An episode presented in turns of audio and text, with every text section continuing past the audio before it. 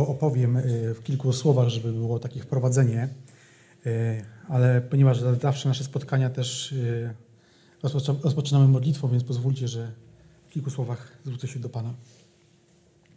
Dobry, święty Panie Jezu, błagamy Cię pokornie o to, abyś otworzył nasze umysły i serca, abyśmy mogli przyjmować Słowo Twoje, które płynie z Księgi Rodzaju, ze Starego Testamentu, które jest miejscem świadczącym o, Twojej, o Twoim pięknu, o tym, że jesteś naszym Zbawicielem, Mesjaszem, Synem Bożym, że jesteś naszym Bogiem, który kieruje poprzez swoją śmierć drogę do Ojca. Panie, abyśmy mogli w swoim sercu zobaczyć Twoje piękno i uwielbić Ciebie i o to prosimy, abyś prowadził nas przez Ducha Twojego. Amen.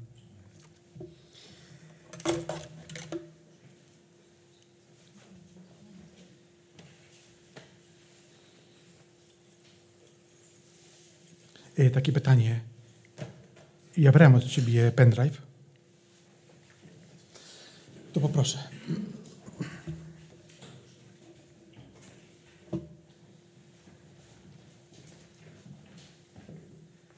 Nie skopiowałem sobie na, tutaj na podgląd e, u siebie na komputerze, ale to nie przeszkodzi, dlatego że mamy tutaj krótką informację o tym, żeby.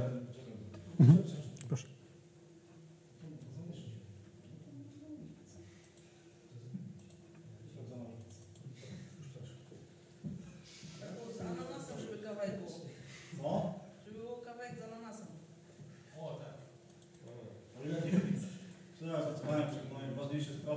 Dobrze, nie ma problemu. Ja poczekam, aż wszystko się uda ustalić.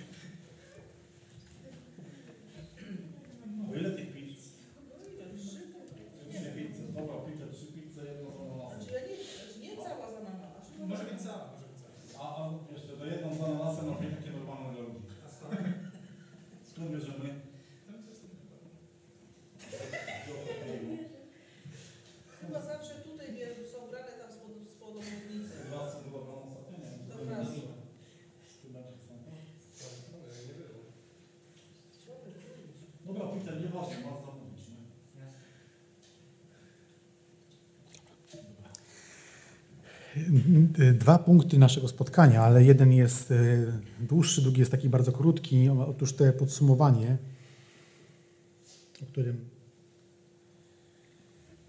teraz może w dwóch słowach powiem. E, dlaczego typ? Mówiliśmy o tym ostatnio, że jest takie słowo, które po grecku brzmi tupos, dlatego że w języku greckim Y czyta się jak U z reguły, ale my czytamy je spolszczone na typos. Mamy swój, swój polski wyraz, który prawdopodobnie pochodzi od niego, typ albo obraz, albo symbol. One są w Piśmie Świętym używane zamiennie, ale również inne synonimy są wykorzystywane do tego, żeby użyć to słowo y, w Piśmie Świętym. Tu jest taki przykład fragmentu podany z pierwszego listu do Koryntian, 10 rozdział, 11 werset, w którym czytamy, że to wszystko natomiast zdarzyło się im dla przykładu, właśnie w oryginale jest typos, a zostało napisane dla napomnienia nas, do których dosiągnął koniec wieków.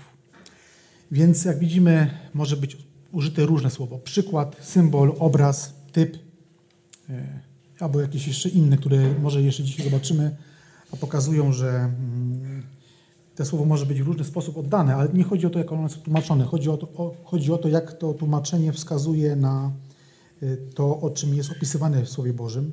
Mianowicie jak już o tym wspominałem poprzednio, teraz też o tym w dwóch słowach powiem.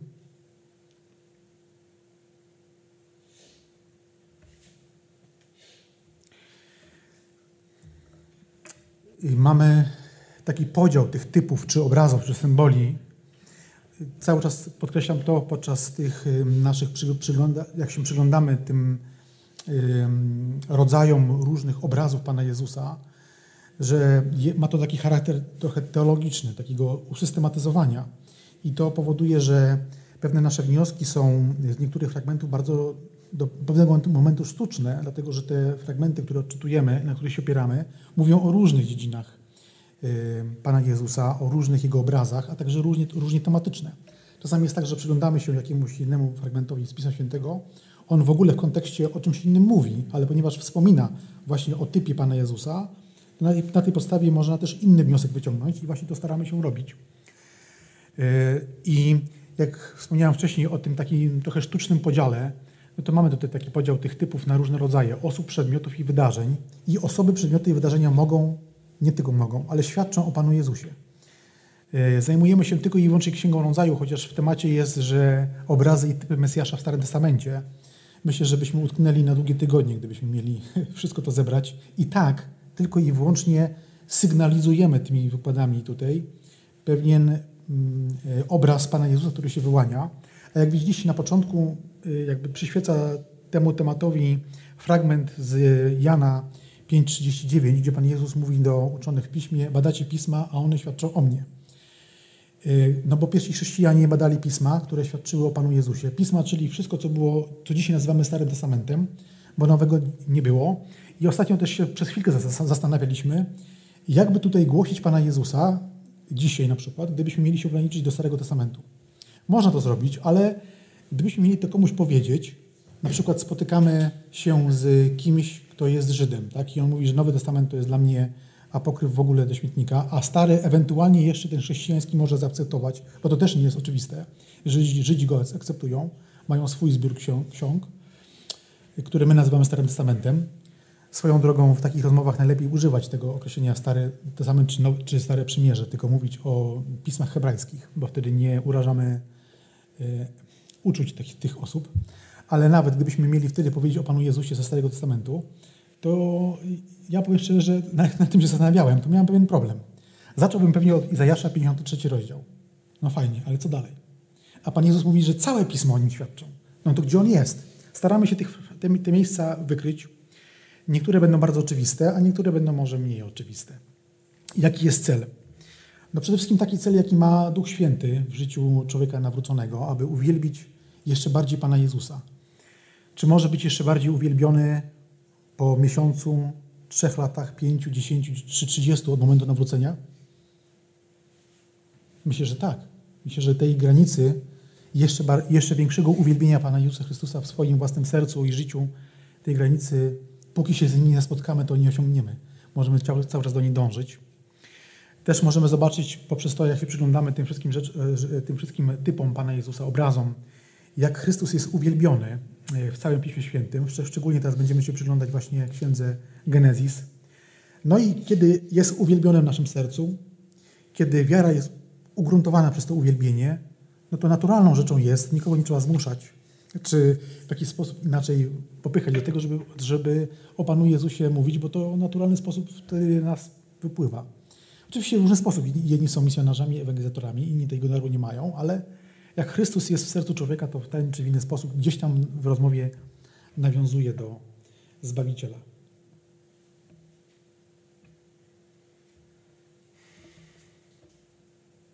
Ja sprawdzam, czy ja dobrze przerzuciłem. Dobrze. Poprzednio mówiliśmy o Adamie, Ablu, Melchizedeku, Izaaku, Józefie i Mojżeszu. I to nam zajęło chyba mniej więcej około 50 czy tam godziny czasu na tyle, ile wam zajęło y, uzgadnianie szczegółów na wyjazd na obozowy, więc, więc widać, że te, te y, w zasadzie kilka postaci, sześć postaci y, i takich tylko dotykaliśmy, ale tam tych szczegółów z ich życia jest bardzo, bardzo dużo. I jak się czyta Stary Testament i pewnie macie takie przykłady Pisma Świętego, gdzie są odnośniki do Nowego Testamentu, to czasami można na jednej osobie utknąć i tylko między jednym a drugim fragmentem przechodzić i dalej i dalej takie rzeczy odkrywać. Adam, może takie słowo wyjaśnienia, Adam, dlaczego Adam jest typem Pana Jezusa? Ustaliliśmy ostatnio, że to jest antytyp, w tym sensie, że to, to czego on dokonał, jeśli tak to w ogóle można nazwać, no to nie dokonał nic dobrego, czyli zaprzepaścił możliwość życia wiecznego swoich potomków, zaprzepaścił możliwość życia wiecznego dla siebie i swojej rodziny, a Pan Jezus jest odwrotnością tego wszystkiego. Czyli Pan Jezus to wszystko odzyskuje, zdobywa tak, jak On wszystko zatracił. To nie był taki błąd, jak dzisiaj popełniamy jakiś błąd i można jakoś z niego jeszcze wyjść, no z niektórych nie można, bo na przykład ludzie tracą zdrowie i życie. Ale też nie tracą zdrowia i życia na, na zawsze, bo jeszcze właśnie jest Chrystus, tak? Ale Adam tak zrobił, że nie było innej, innego wyjścia, jak tylko zaangażowanie się bezpośrednio Boga w ciało, Chryst, w ciało Chrystusa. Mm, no i później mamy kolejne osoby. Mówiliśmy też o Melchizedeku, który jest dla, niekiedy dla niektórych czytelników Biblii zagadką, w jaki sposób Melchizedek jest obrazem Pana Jezusa czy on żyje po dziś dzień, bo jest bez końca, bez początku, ale samo Pismo Święte nam o tym mówi, że on jest bez rodowodu. Po prostu nie jesteśmy w stanie ustalić, skąd on się w Księdze Rodzaju pokazuje. Po prostu nagle jest i tyle. Chodzi o to, że ten obraz pokazuje, że Pan Jezus ma ziemski rodowód, ale tak samo jak Melchizedek, albo inaczej, tak samo Melchizedek jak Pan Jezus, nagle jest i koniec. Jest kapłanem i królem miasta Salem. Jeszcze daleko, daleko przed tym, jak Izraelici w ogóle mogli myśleć o tym, żeby wyjść do, e, do ziemi Kanaan. I nawet chyba wtedy, znaczy nawet chyba, na pewno tego narodu nie było. My dzisiaj mówimy często naród izraelski, ale musimy pamiętać o tym, że tak naprawdę to jest tylko takie uogólnienie, bo y, no to była duża rodzina tak naprawdę, tak? Plemię można powiedzieć. My nazywamy narodem, ale między plemieniem a narodem to jeszcze jest długa, długa droga. Natomiast y, wtedy to tylko było, była duża rodzina. Więc mówiliśmy też o Izaaku, Józefie i Mojżeszu, którzy wskazują y, swoim życiem, elementami tego życia, może nie całym, na Pana Jezusa. Józef jest z jednym, z jednym z najpiękniejszych przykładów obrazu Pana Jezusa, bo został zdradzony przez braci, tak jak Chrystus. Został sprzedany, tak jak Chrystus, czyli zdradzony. Został y, y, zniewolony, tak jak Chrystus. W zasadzie umarł dla rodziny, bo, bo został, y, jego szata była pokrwawiona, tak? czyli zasugerowano reszcie rodzinie, że on nie żyje, tak jak Chrystus. Tylko Chrystus umarł naprawdę. I tak jak Pan Jezus, tak samo Józef, takim obrazem jest w tym, że awansuje w Egipcie, i przez to, że awansuje w Egipcie, to przez to też ratuje całą rodzinę. A w zasadzie nie tylko rodzinę, ale również tych, którzy byli, nie byli należeli do rodziny, tak? czyli również Egipcjan i inne, inne narody. Pan Jezus ratuje swoją rodzinę, jaką są Żydzi, ale nie tylko ich, bo wszystkich pogan, czyli wszystkich ludzi. Więc to jest taki bardzo y, piękny przykład i tam jest w zasadzie każdy aspekt życia Józefa wskazuje na obrazowo na Pana Jezusa. Ale to są tylko wspominki nasze z poprzedniego y, spotkania. Teraz przechodzę Dalej.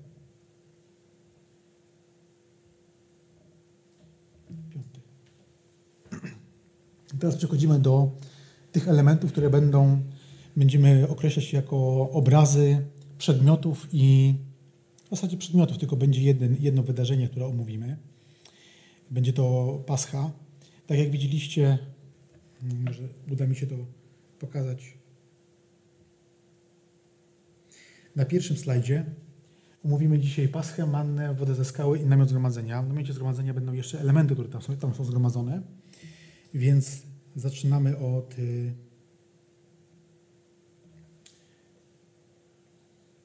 dziewięć.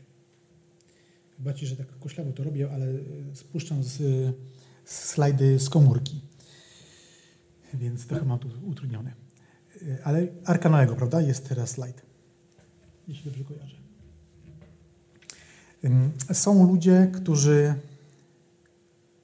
może nazywają się chrześcijanami, oni sami tak o sobie mówią, ale którzy, można powiedzieć, są na granicy ogólnie pojętego chrześcijaństwa, którzy twierdzą, że Arka Noego jest obrazem ich kościoła czy organizacji. Nic bardziej mylnego. E, nie ma żadnego obrazu takiego, który by w Starym Testamencie wskazywał na to, że to właśnie ten kościół, który ma taką nazwę, Y, który się zgromadza w tym, a w innym miejscu, to właśnie oni mogą gromadzić u siebie ludzi i oni jako jedyni przeżyją. Y, był w swoim czasie, to był XIX wiek, taki nurt mniej więcej przed pierwszą połową XIX wieku, który się nazywa ogólnie milenialny czy adwentowy i z tego wyrosło dużo różnych wyznań, między innymi adwentyści, którzy dzisiaj są, adwentyści Dnia Siódmego i wielu innych adwentystów. Niektórzy odcinają się od y, twórczości pani Helen G. White, i dzięki Bogu, bo to jest y, fałszywy prorok, albo od pana Rasela, y, który też był fałszywym prorokiem y, i wielbią Pana Jezusa. I można powiedzieć, że w takim dużym skrócie należą do Kościoła, ale to taki, dlaczego o tym wspomniałem? Dlatego, że ci ludzie, którzy wywodzą się z tego adwento, adwentowego nurtu, niektóre te odłamy właśnie twierdzą, że to właśnie my jesteśmy tą arką i tylko u nas możecie mieć zbawienie. Co jest po prostu nieprawdą. Bo arką Noego, jeśli, który niesie zbawienie, jest Chrystus. E, tutaj mamy taką, taki fragment Księgi Rodzaju 7,23, że Bóg zgładził wszystkie istoty. To jest tylko takie wprowadzenie tego wersetu, bo ja później środek wyciąłem, żeby nam było łatwiej to zauważyć. I tylko w arce te istoty, które weszły do arki, czyli zwierzęta i Noe, z rodziną, mogli przeżyć. Tak samo jeśli ktoś pokłada swoją wiarę w Chrystusie, tylko i wyłącznie w Chrystusie, nie w Chrystusie i w Kościele, nie w Chrystusie i w starszych, nie wiem, prezbiterach czy pastorach, tylko w Chrystusie po prostu. E, no to może być pewien swojego zbawienia. Pod warunkiem, że jeszcze jest odrodzony przez Ducha Świętego i swoje życie, wyznał swoje grzechy Bogu i jest pojednany przez krew Chrystusa z Bogiem.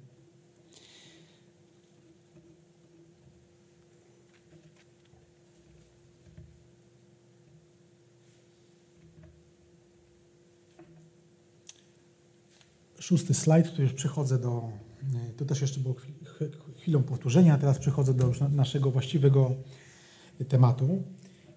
Ja sobie tylko jeszcze swoją ściągawkę pozwólcie, że przewinę na, bo jestem na Mojżeszu jeszcze.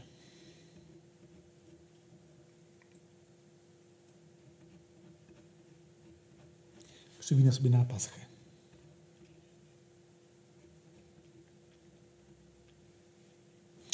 I nie wiem, jeśli chcecie, możecie, możecie otworzyć swoje Biblię na Księdze Wyjścia, 12 rozdział. Jeśli nie, to ja sobie otworzę i będę tam podglądał. I w 12 rozdziale mamy kilka informacji Księdze Wyjścia e, związanych z Paschą. I może kilka fragmentów z tego miejsca odczytam, dlatego że one będą też pokazywały nam pewien, e, pewne tło związane z, z tym, jak to święto się zrodziło i jak ono wskazuje na Pana Jezusa. Na przykład czytamy tutaj, że rzekł Jachwę Pan do Mojżesza i do Arona w ziemi egipskiej, mówiąc, ten miesiąc będzie początkiem miesięcy, będzie waszym pierwszym miesiącem roku. I to jest miesiąc Nissan. Y, on później był nazwany Nissan, wcześniej był nazwany, nie pamiętam, A, Ab, właśnie, widziałem, że na A. Dobrze pamiętam, że na A. Ab. I tak, tu jest mowa o tym, że dziesiątego dnia, y, ja czytam 12 rozdział, trzeci werset, dziesiątego dnia tego miesiąca weźmiecie sobie każdy baranka dla swojej rodziny. To jest ważny, ważny szczegół. I tutaj mamy właśnie go wyszczególnionego y, na tym slajdzie. I dziesiątego dnia miesiąca Nisan Pan Jezus wjeżdża na osiołku do Jerozolimy. I później czytamy, że mają tego baranka zabić dla swojej rodziny i w całości upiec. I od 15 wersetu czytamy, że przez 7 dni będziecie jeść prześniki. Już pierwszego dnia usuniecie cały zakwas z waszych domów. Następnie 17 przestrzegajcie święta prześników, gdyż w tym właśnie dniu wyprowadziłem wasze zastępy z ziemi egipskiej.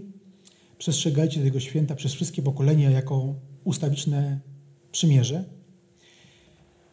I teraz 18 werset 12 rozdziału Księgi Wyjścia. W pierwszym miesiącu od wieczora 14 tego dnia, tegoż miesiąca, aż do wieczora 20 y, tego, dnia, tego miesiąca będziecie jedli prześniki. Czyli to jest wskazanie na ten tydzień, kiedy on się zaczyna. Ten tydzień nie zaczynał się, nie zaczynał się 10, ale zaczął się 14, ale wcześniej trzeba było się pozbyć całego kwasu. I to jest opis tego pierwszego święta, które wskazuje, które było nazwane Paschą i które wskazuje na Pana Jezusa.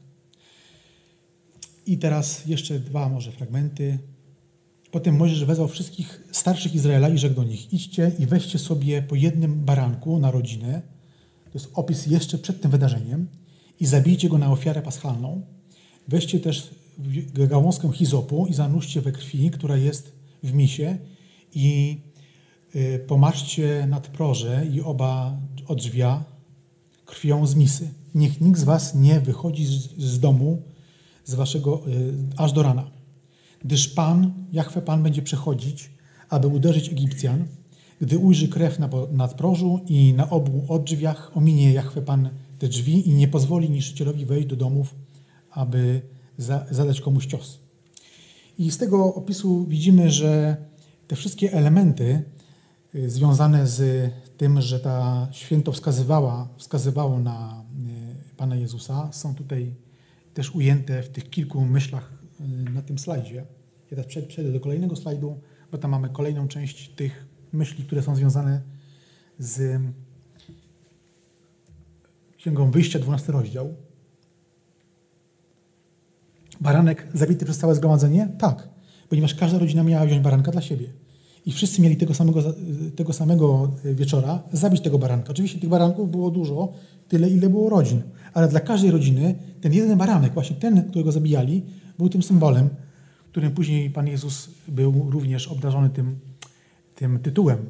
Kiedy Jan Chrzciciel e, widzi Pana Jezusa, to ewangelista Jan po raz kolejny opisując e, to spotkanie Jana Chrzciciela z Panem Jezusem, to Jan Chrzciciel mówi, oto baranek Boży. I po którymś razie ci uczniowie Janowi w końcu załapują o co chodzi i część się od niego odłamuje i idzie za Panem Jezusem, bo w końcu załapali o to, że to jest właśnie ten baranek Boży, to jest Mesjasz. Oczywiście później z tą wiarą było różnie, ale Pan Jezus cały raz im dostarczał wiary, że to właśnie jest tym barankiem Bożym. Pascha, pamiątka wybawienia z niewoli i śmierci i Pascha Chrystusa, tak można powiedzieć, to jest, jak którą wspominają kościoły niektóre co tydzień, niektóre raz w tygodniu, niektóre rzadziej, niektóre raz w roku. To jest nieistotne. Istotne jest to, że kiedy spożywamy yy, ciało i krew Chrystusa, tak powiem, bo tak mówi Pismo Święte, nie w tym sensie, że to jest ciało i krew Chrystusa, to oczywiste jest dla nas, ale wspominamy wtedy w tym bardzo prostym posiłku właśnie to wydarzenie, gdzie kilka milionów ludzi mogło przeżyć. E, wtedy w te wydarzenie, które było pierwowzorem dla tej paschy, którą ustanowił Pan Jezus. I taki slajd podsumowujący tą część związaną z paschą.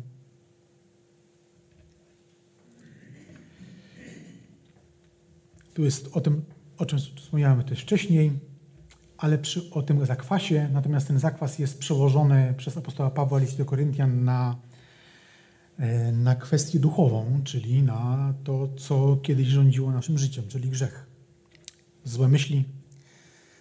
Jesteśmy przaśni dzięki temu, że właśnie Chrystus obbył nas swoją krwią. Ja tutaj podałem, jak widzicie, dwa przekłady. Dlatego dwa przekłady, dlatego że jeden czerpie E, jeśli chodzi o tłumaczenie, to Biblia Warszawska czerpie z kodeksu aleksandryckiego, a drugi czerpie zupełnie z innej rodziny kodeksów. Tam są pewne różnice w niektórych sformułowaniach, w niektórych słowach, czasami większe, czasami mniejsze, ale tutaj jest bardzo dobitnie to wykazane, że ta, ten fragment się w całości pokrywa. Nie chodzi o to, żeby zdanie było jeden do jednego takie same, e, bo przykład e, UBG korzysta z tak zwanego, może być takiej rodziny zwojów bizantyjskich, więc mamy tutaj cały czas świadectwo o tym, że Chrystus został za nas ofiarowany. Jako taki przykład o tym, że sprawozdanie Ewangelii o tym, czego dokonał Pan Jezus, jest zgodne. Czy to korzystamy z tych przykładów, które są oparte o kodeks aleksandryjski, mówię tutaj tylko o Nowym Testamencie, czy to te, które korzystają z kodeksów bizantyjskich. Dlaczego nie wspominam o Starym Testamencie? Dlatego, że Stary Testament jest oparty w jednym i drugim tłumaczeniu o ten sam zwój który się nazywa, mm, on był w Aleppo, ale później był odkryty w Petersburgu. O, tak.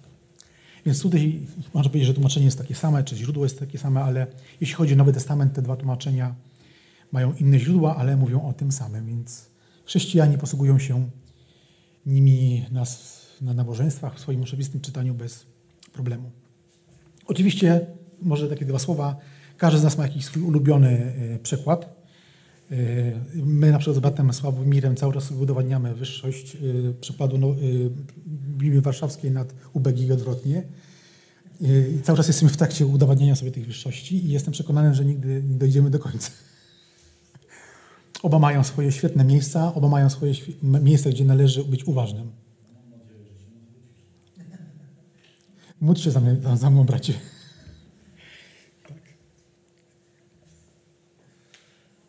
Teraz przechodzimy do manny. Manna zaś była jak ziarno kolendra, a, z, a jej wygląd był jak żywica bdelium. Może tak, taki mały, mała znowu dygresja. Cóż to jest bdelium? Może kiedyś sprawdzaliście, albo zastanawialiście się nad tym. Tak naprawdę trudno jest ustalić, skąd się ta, to słowo wzięło. Znaczy, skąd się wzięło, mniej więcej wiemy. To jest określenie w języku hebrajskim, które powstało. Ale co ono oznaczało jednoznacznie, tak z całą pewnością, żeby y, stać przy tym słowie i się o nie kłócić, to do końca nie wiemy. Y, mm, biologowie, którzy zajmują się florą, badaniem roślin, ustalili, że jest to konkretna roślina, ona ma swoją łacińską nazwę. To jest nieistotne. Ona porasta Bliski Wschód i prawie całą część Afryki i to jest żywica z, tego, z tej kory pozyskiwana, używana bardzo często do na przykład kadzidło, bardzo ładnie pachnie. I ta żywica ma bardzo ładny zapach i przy okazji też smakowo przy niektórych okazjach może być dobra. Więc używa, użyto ją tutaj jako takie wyobrażenie tego, co było manną w swoim smaku i zapachu, można powiedzieć. Więc to nie, było, to nie była taka kasza manna, jak my dzisiaj mamy, bo to jest trochę żale. Ta dzisiejsza kupna w sklepie to jest tylko taka nazwa. Ale tam to była zupełnie inna. I tutaj czytamy, to jest Księga Liczb, 11 rozdział, 8, 9, 8, 7 i 8 werset. Ja zaraz pokażę kolejny fragment, który jest wcześniejszym przed tym. Zrobiłem po prostu odwrotność. Najpierw zacytowałem to, co było później, a zaraz zacytuję to, co było wcześniej. Dlaczego? Zaraz powiem dlaczego.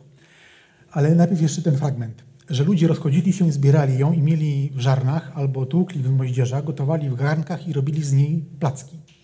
Smak jej był jak smak placka w oliwie. Inne fragmenty, które powtarzają ten, ten, ten motyw, bo to jest Księga Liczb, mamy też jeszcze w Księdze Wyjścia opis, mówią o tym, że była słodka. Manna była słodka. Na przykład, ja tutaj zerknę do swojej ściągawki, w której mam jeszcze dodatkowe informacje o mannie. No same słowo to wiemy, tak? Oznacza co to? Więc, więc tak to brzmi może w języku oryginalnym właśnie, co to? Natomiast jeszcze mam taki krótki opis, że była okrągła, biała, słodka, była y, też obrazem Pana Jezusa, zaraz powiem jakim. I każdy sobie mógł zebrać y, około omer y, dla siebie, swojego domu. Omer to był 2,5 litra. No niecałe tam 2,2 litra, także dość spora część na całe wyżywienie. I mogło tak być, że ona była w jakimś czasie, w jakimś czasie może, może była, było tak, że się nudziło smakowo i wyglądowo Izraelitom. Dziesiąty, dziesiąty. To jest ten właśnie wcześniejszy werset, czyli Księga Liczb, 11 rozdział, nie szóst, wcześniej czytaliśmy 7, 8 werset, a teraz 4 do 6. Pospólstwo, to jest księga Biblia Warszawska, specjalnie jej użyłem, bo jest bardzo dosadne słowo. Pospólstwo zaś, które znalazło się wśród nich, ogarnęła porządliwość, więc także i synowie izraelscy zaczęli na nowo biadać i mówić, obyśmy mogli zjeść mięsa.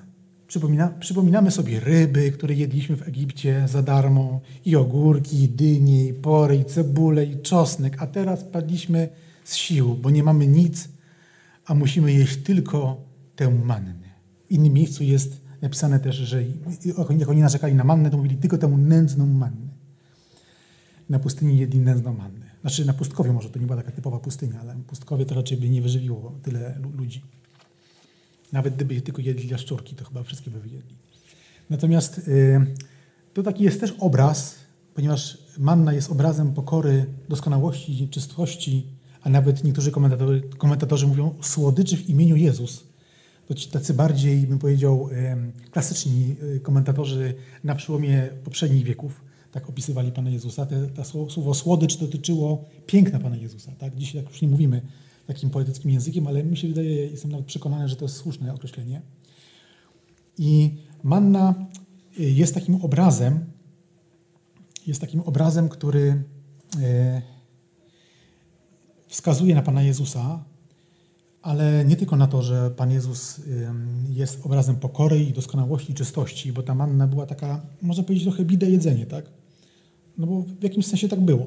Oczywiście ona, ona dawała im możliwość przeżycia, nie musieli narzekać na wypadające zęby, nie wiem, choroby czy inne rzeczy, bo nie mamy takiej relacji. Wręcz przeciwnie.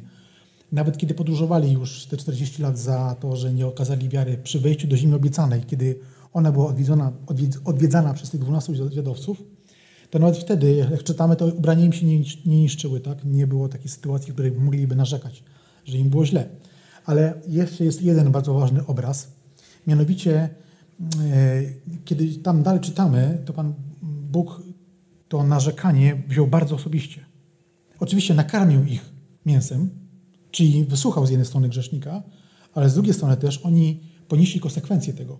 Więc opis, że kiedy jeszcze jedli to mięso, a niektóre przykłady mówią, że kiedy się obżerali jeszcze tym mięsem z ptaków, to wtedy na tych właśnie obżartusów spadła plaga. E, no nie potrafili zachować umiaru, tak? Czyli w takim obrazie nowotestamentowym chcieli się najeść y, tego bogatego, tłustego w mięso świata, no bo ten chrześcijanizm jest taki bardzo puritański, taki bardzo no bidny, tak? Nie? Ale z punktu widzenia naszego grzechu, naszego y, y, serca, no taki jest. No i, i to nie wypada, oczywiście nikt nie mówi, że nie wolno, ale tu nie wypada pójść i tak się zachować i no wiecie o co chodzi, tak? No, świat żyje troszeczkę inaczej. Kończy się weekend, znaczy kończy się tydzień, zaczyna się weekend, no to, to z weekendu trzeba skorzystać, tak? Mm, można z niego korzystać, ale takie, zawsze takie korzystanie to jest, to jest folgowanie swojemu ciału, które bierze nad nami górę. I ten obraz, który jest tutaj pokazany na tej mannie, który Bóg też pokazuje nam dzisiaj, to jest to, że manna jest wystarczalna. Chrystus jest wystarczalny dla chrześcijan. Nie trzeba go niczym wzbogacać. Nie tylko nauką, ale również rozrywką. E, rozrywką, którą, którą można by zaszczepić na przykład w kościele. Nie jestem, nie jestem przeciwnikiem e, e, nie wiem, fajnej muzyki w kościele czy różnych instrumentów, ale wiemy, że jest taka pewna granica. Ja, ja o niej nie powiem, bo to jest tylko i wyłącznie mój wniosek. Każdy musi sobie ją jakoś sam wyznaczyć, bo też Bóg te nasze granice, które sobie dzisiaj wyznaczamy, które nawet byłyby załóżmy za daleko postawione, to Pan je przytnie, skróci, najlepiej jak to zrobi Bóg, a nie kaznodzieja. Bo wtedy kaznodzieja przekazuje swoje mądrości, swoje odczucia, a nie odczucia Boże. I y, w tym fragmencie to, księga, to list y, do Koryntian, może tam sięgnę. Pierwszy do Koryntian, przepraszam, drugi do Koryntian, ósmy rozdział. Piętnasty werset.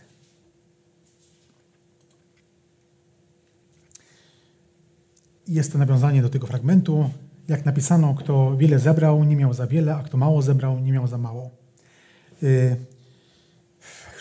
Chrześcijaństwo, jak niektórzy, może taka dygresja, chrześcijaństwo, którzy niektórzy ludzie nie rozumieli, chrześcijaństwo nie jest formą socjalizmu, który rozdaje wszystkiemu porówno. Wszystkim według potrzeb. I tak też było z Manną, i tak też jest z Chrystusem. Mamy różne potrzeby, mamy, jesteśmy w różnym etapie podążania za Bogiem, za Panem Jezusem. Więc też Bóg w różny sposób te nasze potrzeby zaspokaja. E, I różne sytuacje nas życiowe dotykają, nie wszystkie dotykają takie same.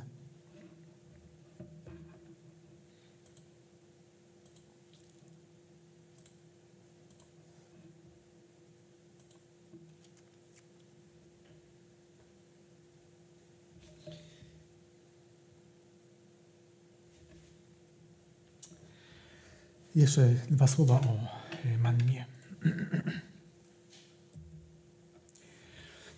To już teraz Nowego Testamentu. Może gdybyśmy chcieli otworzyć jeszcze e, Ewangelię Jana na szóstym rozdziale. Tu jest zacytowany fragment 48 i 51. E, to, to jest ten, ten, fragment z Ewangelii Jana. Ale jeśli, jeśli pozwolicie, to ja tylko zerknę do kontekstu też z tego samego rozdziału, który prowadzi nas do tych słów. Ja jestem chlebem życia. I w Ewangelii Jana, 6 rozdział, 28 wersecie czytamy takie słowa. Przepraszam, Mateusza.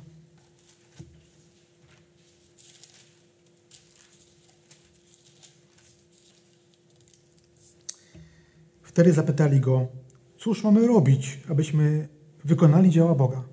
To jest jak najbardziej właściwe pytanie człowieka, który poszukuje Stwórcy. Ale dalej czytamy tak.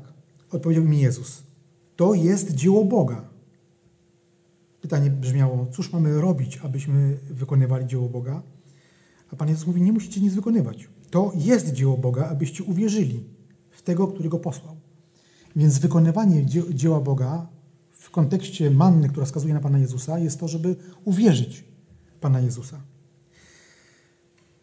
Odpowiedzieli mu Żydzi tak, e, odpowiedzieli mu Żydzi tak. Nasi ojcowie jedli mannę na pustyni.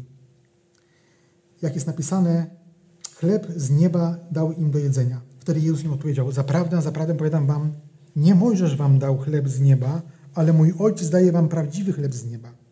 Chlebem Boga bowiem jest ten, który stępuje z nieba i daje światu życie. Wtedy odpowiedzieli do Niego, Panie, dawaj nam zawsze tego chleba. Cały czas myślą o chlebie pieczonym w piecu. I odpowiedział mi Jezus, ja jestem chlebem życia. Kto przychodzi do mnie, nie będzie głodny, a kto wierzy we mnie, nigdy nie będzie odczuwał pragnienia. Więc 43 y, jeszcze może czytam. Wtedy Jezus im powiedział, nie szemrajcie, bo tam mamy wcześniej informację, y, że zaczęli szemrać przeciwko Panu Jezusowi, który tak się nazwał. Nie szemrajcie. A w 48 czytamy, że ja jestem chlebem życia, wasi ojcowie jedli manę na pustkowiu, a poumierali, a w tym chlebie jest życie. Więc y, jak patrzymy teraz na mannę w czasach, w czasach mojżeszowych i na, w kontekście Pana Jezusa, to nie dziwi nas to, że odrzucenie manny i poproszenie o poproszenie, utyskiwanie na to, że nie ma mięsa, dyni, tam czegoś jeszcze,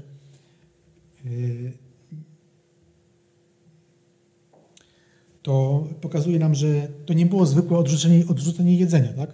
Chodziło o to, że oni odrzucili, odrzucili opiekę Boga i apostoł Paweł pisze o, siebie, o, o sobie, że jest największym z grzeszników. Znaczy, że większego od, od apostoła Pawła grzesznika nie ma? Każdy jest największym grzesznikiem, jeśli odrzuca zbawienie w Chrystusie, po prostu. Ja to robiłem 30 lat. Więc, więc dopóki ktoś nie wyznaje Pana Jezusa, jest tym największym grzesznikiem, tak samo jak oni byli największymi grzesznikami, bo uznali, że opieka Boga jest niewystarczalna. Potrzebują jeszcze z Egiptu mięsa, ryb, tego, tamtego, żeby im się dobrze wiodło na pustyni. A tak nie jest. Slajd 12.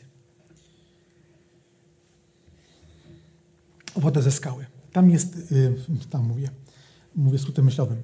W Księdze Rodzaju, w Księdze, y, w Księdze Rodzaju, w Księdze Wyjścia mamy y, dwa opisy wody ze skały. Jeden taki, który wszystko się skończyło dobrze, w sensie takim, że Mojżesz robi to, co Bóg mu polecił, a drugi, jak wiemy, takim, że się skończyło źle.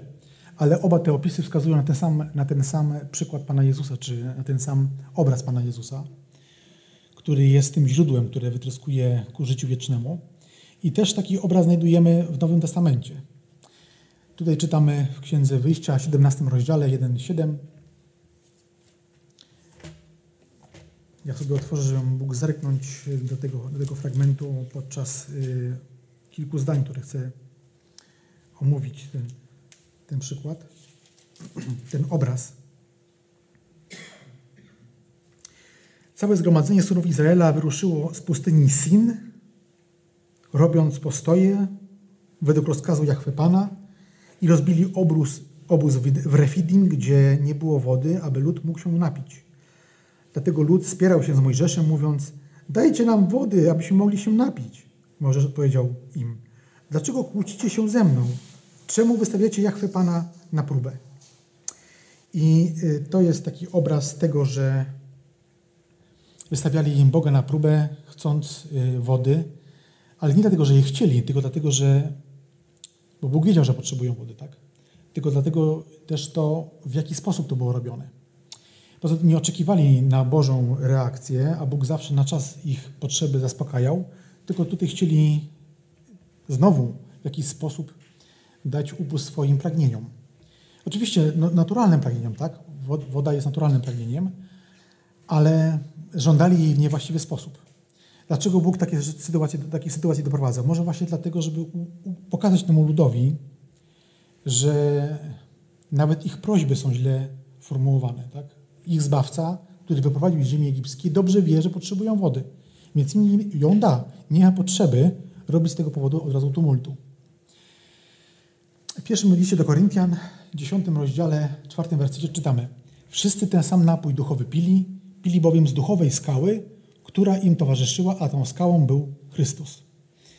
1 Koryntian 10,4. Gdyby tak się zdarzyło, że będziemy w swoim, e, w jakimś sytuacji widzieli przystań dzikach stojących świadków Jehowy, to ten fragment jest właściwy. Bo on wiąże Ewangelię zawartą w Starym Testamencie z Panem Jezusem. Niewiele takich jest fragmentów, które możemy odszukać w przykładzie Nowego Świata, które by na to wskazywały, jakby łączyły Pana Jezusa z Bogiem Jahwe, ale i z tym, co, co Bóg dokonywał, ale to jest taki jeden z takich fragmentów, który możemy się nim posłużyć do tego, żeby zacząć dobrą rozmowę. Więc tą skałą był Chrystus jako wodę, wodą, jako nazywał siebie wodą życia. E...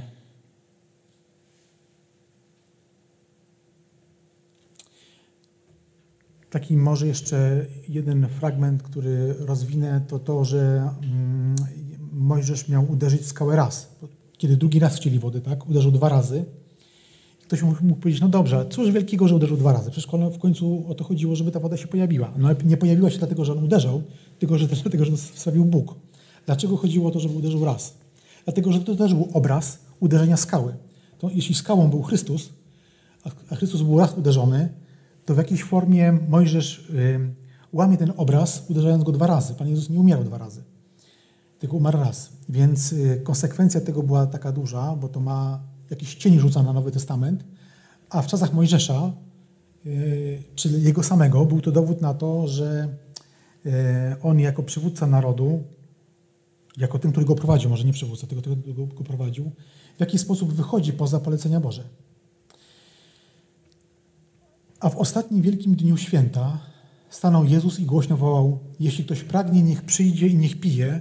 Kto wierzy we mnie, jak powiada pismo, z wnętrza jego popłyną rzeki wody żywej. Cały czas Pan Jezus jest tym obrazem rzeki, wody życia, która również popłynęła z tej skały.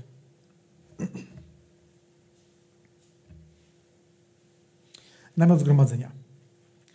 Namiocie zgromadzenia mamy kilka elementów y, do omówienia. Y, to jest, y, one, te elementy znajdują się w trzech różnych miejscach. Przedsionek, miejsce święte i najświętsze. Ja będę omawiał tylko, tylko się ograniczę do przybytku, który był zbudowany na pustyni, bo świątynia była tylko i wyłącznie murowanym miejscem tego, co tam było. Tak? Nie było niczym innym, tylko bardziej rozbudowanym, no i wymurowanym z z kamienia, a nie z kawałków materiałów, jak nie wiem, tam skóry czy jakieś inne płótna.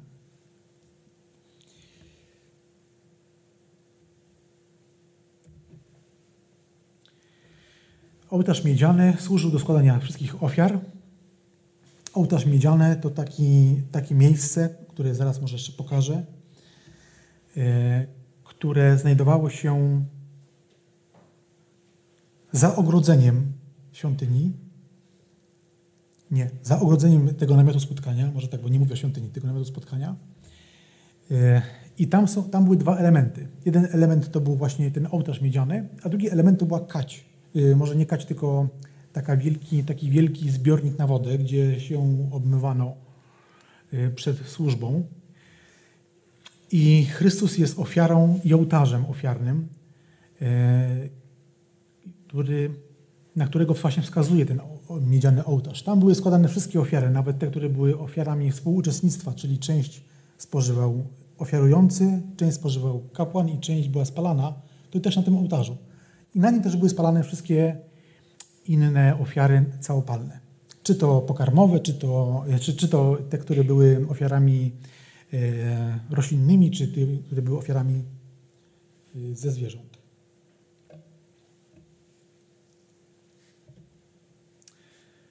O, kać miedziana, tak. Nie kadzielnica, tylko kać miedziana. Przejęzyczyłem się, przepraszam. Ta kać miedziana służyła do oczyszczania i umywania i krew Chrystusa oczyszcza i omywa z wszelkiego grzechu.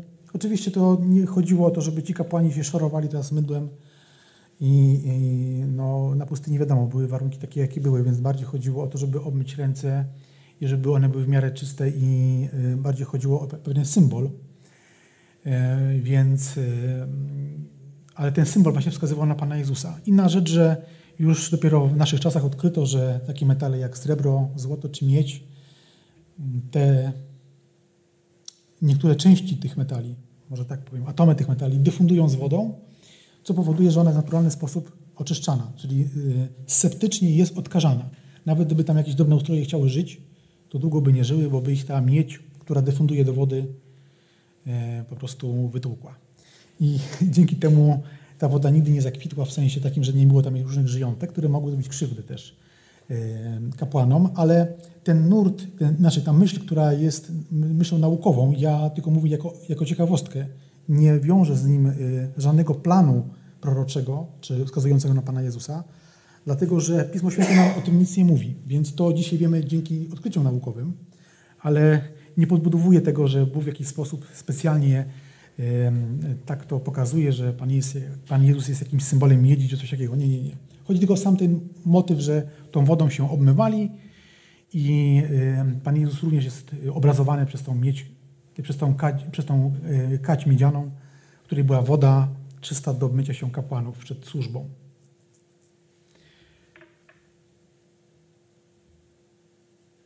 Teraz przechodzimy do miejsca, w którym jesteśmy w miejscu świętym. Zaraz pokażę, gdzie był ten przedsionek, miejsce święte. Pewnie wiemy, ale jeszcze go pokażę. Miejsce święte to już wchodzimy do namiotu. Do namiotu zgromadzenia.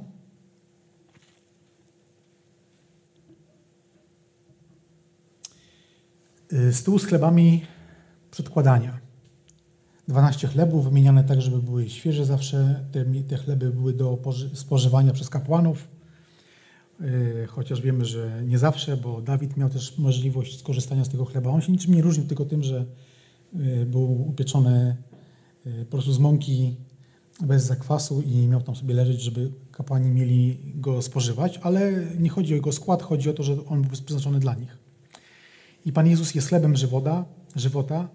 Ja tutaj dopisałem taką myśl, że jest chlebem życia dla królów i kapłanów, a wszyscy dzieci Boże, którzy są odkupieni Pana Jezusową krwią, którzy wyznają Jego imię, którzy e, przyznają się do, do ojcostwa, jakim jest, jaki jest w Bogu, no to są właśnie królami i kapłanami przeznaczonymi, może inaczej, wytypowanymi przez Boga do tego, żeby ten chleb Pana Jezusa, którym jest Pan Jezus, spożywać.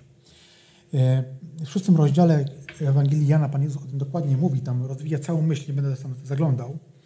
E, pewnie kojarzymy sobie ten fragment, gdzie Pan Jezus mówi o sobie, że jest chlebem życia i później mówi, kto mnie je, kto mnie nie je, ten nie ma życia wiecznego. E, Żydzi zrozumieli to dosłownie, Pan Jezus mówił to niedosłownie, wiemy, że tak było. I chodzi o to, żeby codziennie spożywać Pana Jezusa, tak jak ten chleb też, który był, był manną. Czy to się może nudzić?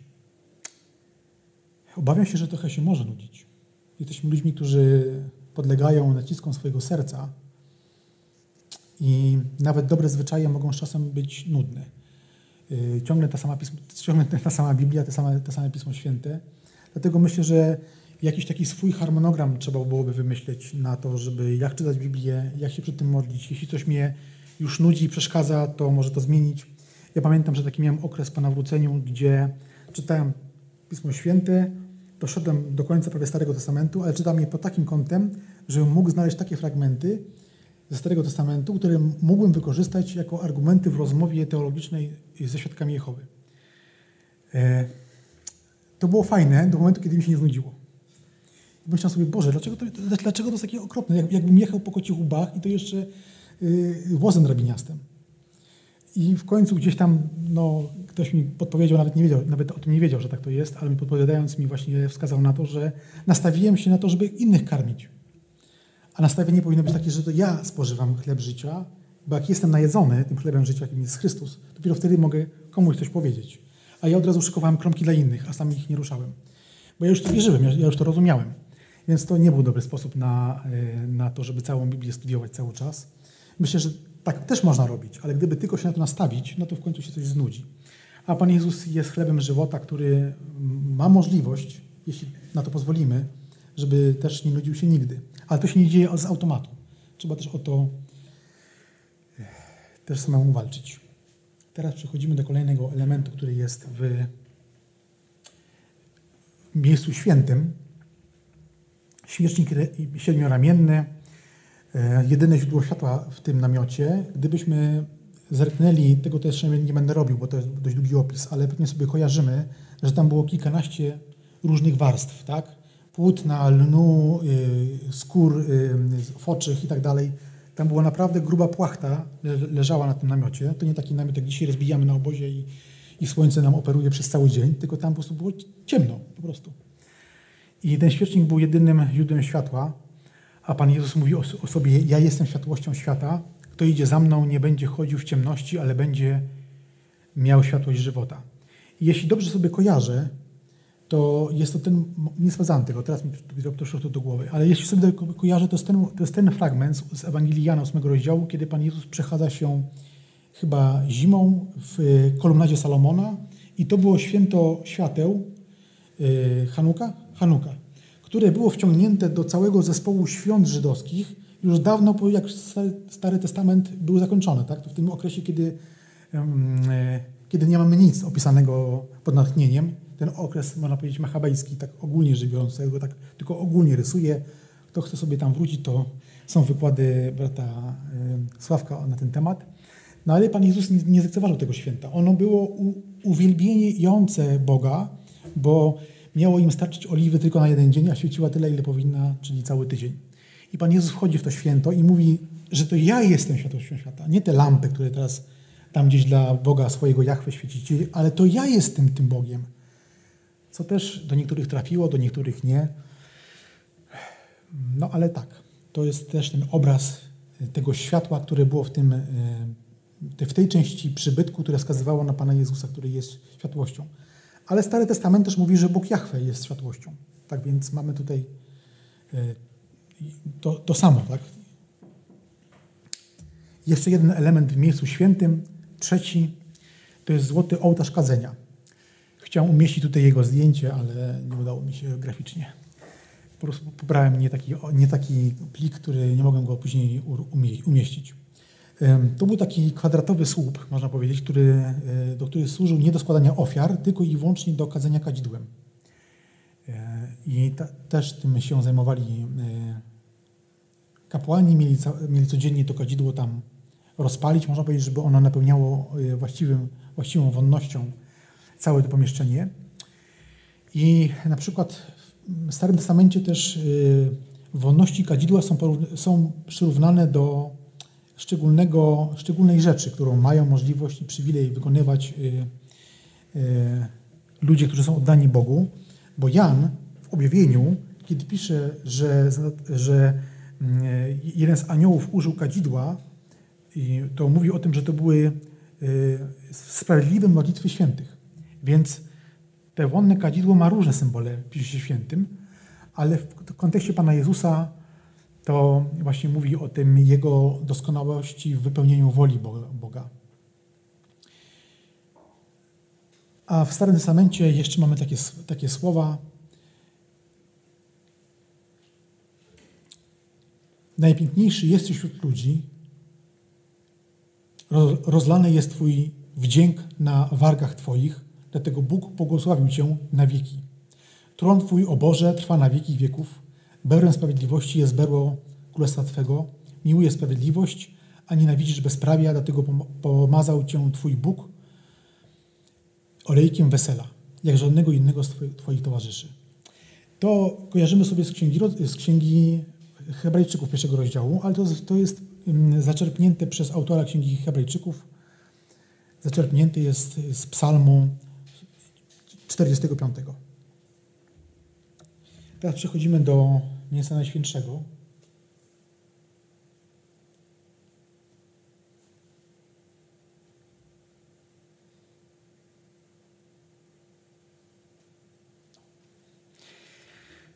Tam był tylko jeden przedmiot, można powiedzieć. Mówimy o tym arka, skrzynia przymierza, ubłagalnia, tron łaski. Różnie jest to nazywane też w Nowym Testamencie. E, wiemy, że tam były pewne elementy z historii Izraela umieszczone. Między innymi laska Arona, miska z manną. I coś jeszcze?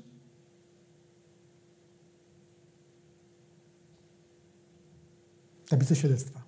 Inaczej, 10 przykazań, tak? 10 przykazań. Więc y, nie jesteśmy cały czas pochłonięci tymi tematami, więc ja powiem tak, ja to przygotowałem, więc mam to świeżo w pamięci. Ale y, tam to było. No i tam był, to było to miejsce, gdzie arcykapłan wchodził raz w roku z krwią, żeby na wieku tą krew, tą wiek, wiekę tego y, przedmiotu tak, pokropić. Dlatego musiał musiał we wszystkim upodobnić się do braci, aby mógł zostać miłosiernym i wiernym arcykapłanem przed Bogiem dla przebagania go za, za grzechy ludu. Pan Jezus raz wszedł w to miejsce najświętsze e, w niebie i czytamy w Starym Testamencie, że Bóg poleca zbudować Mojżeszowi właśnie ten cały przybytek, daje mu te plany i tam jest taka fajna sentencja, że jest to kopia tylko z tej, z tej sentencji wynika, że jest to tylko obraz tego, co Bóg pozwolił zobaczyć Mojżeszowi w tych planach, który jest w niebie. Oczywiście nie twierdzę, że taki sam namiot jest w niebie jako oryginał, ale chodzi o to, że w niebie też, według Pisma Świętego, jest jakiś obraz nam pokazywany, że jest miejsce, miejsce najświętsze, przed którym stawił się Jezus Chrystus. I wydaje się, że to takie oczywiste. No jak, wrócił do nieba, więc tam stanął. Ale trzeba nam pamiętać, że Pan Jezus tam powraca jako człowiek. Człowiek staje przed samym Bogiem. Nigdy wcześniej to nie miało miejsca. Dlaczego tam może stanąć? Bo dlatego, że nigdy nie uchybił Bogu.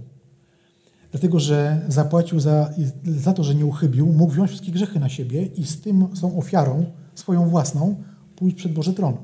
Kiedy patrzymy na Pana Jezusa jako tylko i wyłącznie na człowieka, oczywiście wiemy, że patrzymy na Niego jako Boga i człowieka, ale jeśli ograniczamy się do, do Jego ludzkości, tylko i wyłącznie do Jego człowieczeństwa i patrzymy na to, czego dokonał y, y, na ziemi i w niebie jako człowiek, to wtedy zupełnie inaczej wygląda również to, że Pan Jezus obiecuje tam, tam miejsce dla wszystkich zbawionych. Właśnie dlatego, że On tam wszedł, wszyscy inni też tam mogą wejść. Dlatego w księdze Hebrajczyków możemy znaleźć też tyle różnych fragmentów, które wskazują na Pana Jezusa jako tego, który utorował drogę dla wszystkich, którzy wyznają Jego imię.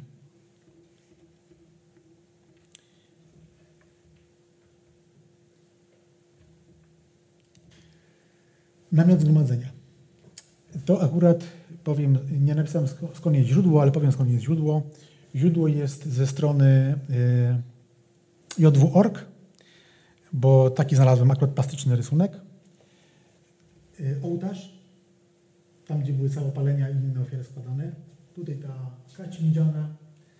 Tutaj taki malutki jest y, ten mm, ołtarz do kadzenia, no i chleby i tam menora. A tam wewnątrz jest kawałek widocznej Arki Przymierza. To jest takim jakby no, wyrywku, tak, przegryzionym, żeby pokazać, jak to wygląda. Jeszcze jeden mam rzut. To jest to samo, tylko że pokazane na, innym, na innej rycinie i w wielu komentarzach jest taki obraz tutaj, tak?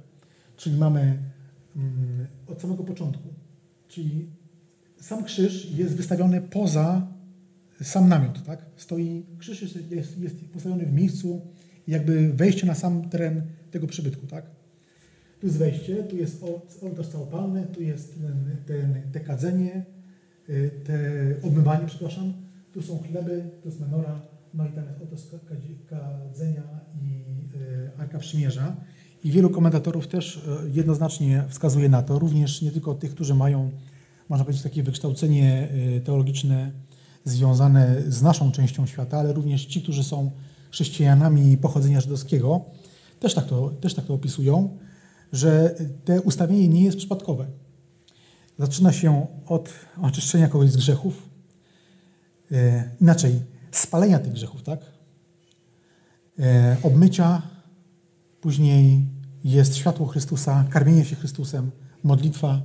Wszystko ma pewien swój porządek. Oczywiście to nie znaczy, że teraz ktoś, kto się nawraca, powinien te wszystkie rzeczy w swoim nawróceniu odszukiwać, no bo to nie o to chodzi. E, jak często mówimy, Bóg nie działa w sposób taki, że ma jakiś rozdzielnik i sprawdza nawróconego, czy wszystkie etapy przeszedł i w jaki sposób i czy wystarczająco, wystarczająco długo. Nie, tą przemianę dokonuje Duch Święty, a człowiek otwiera swoje serce. Natomiast te etapy muszą być.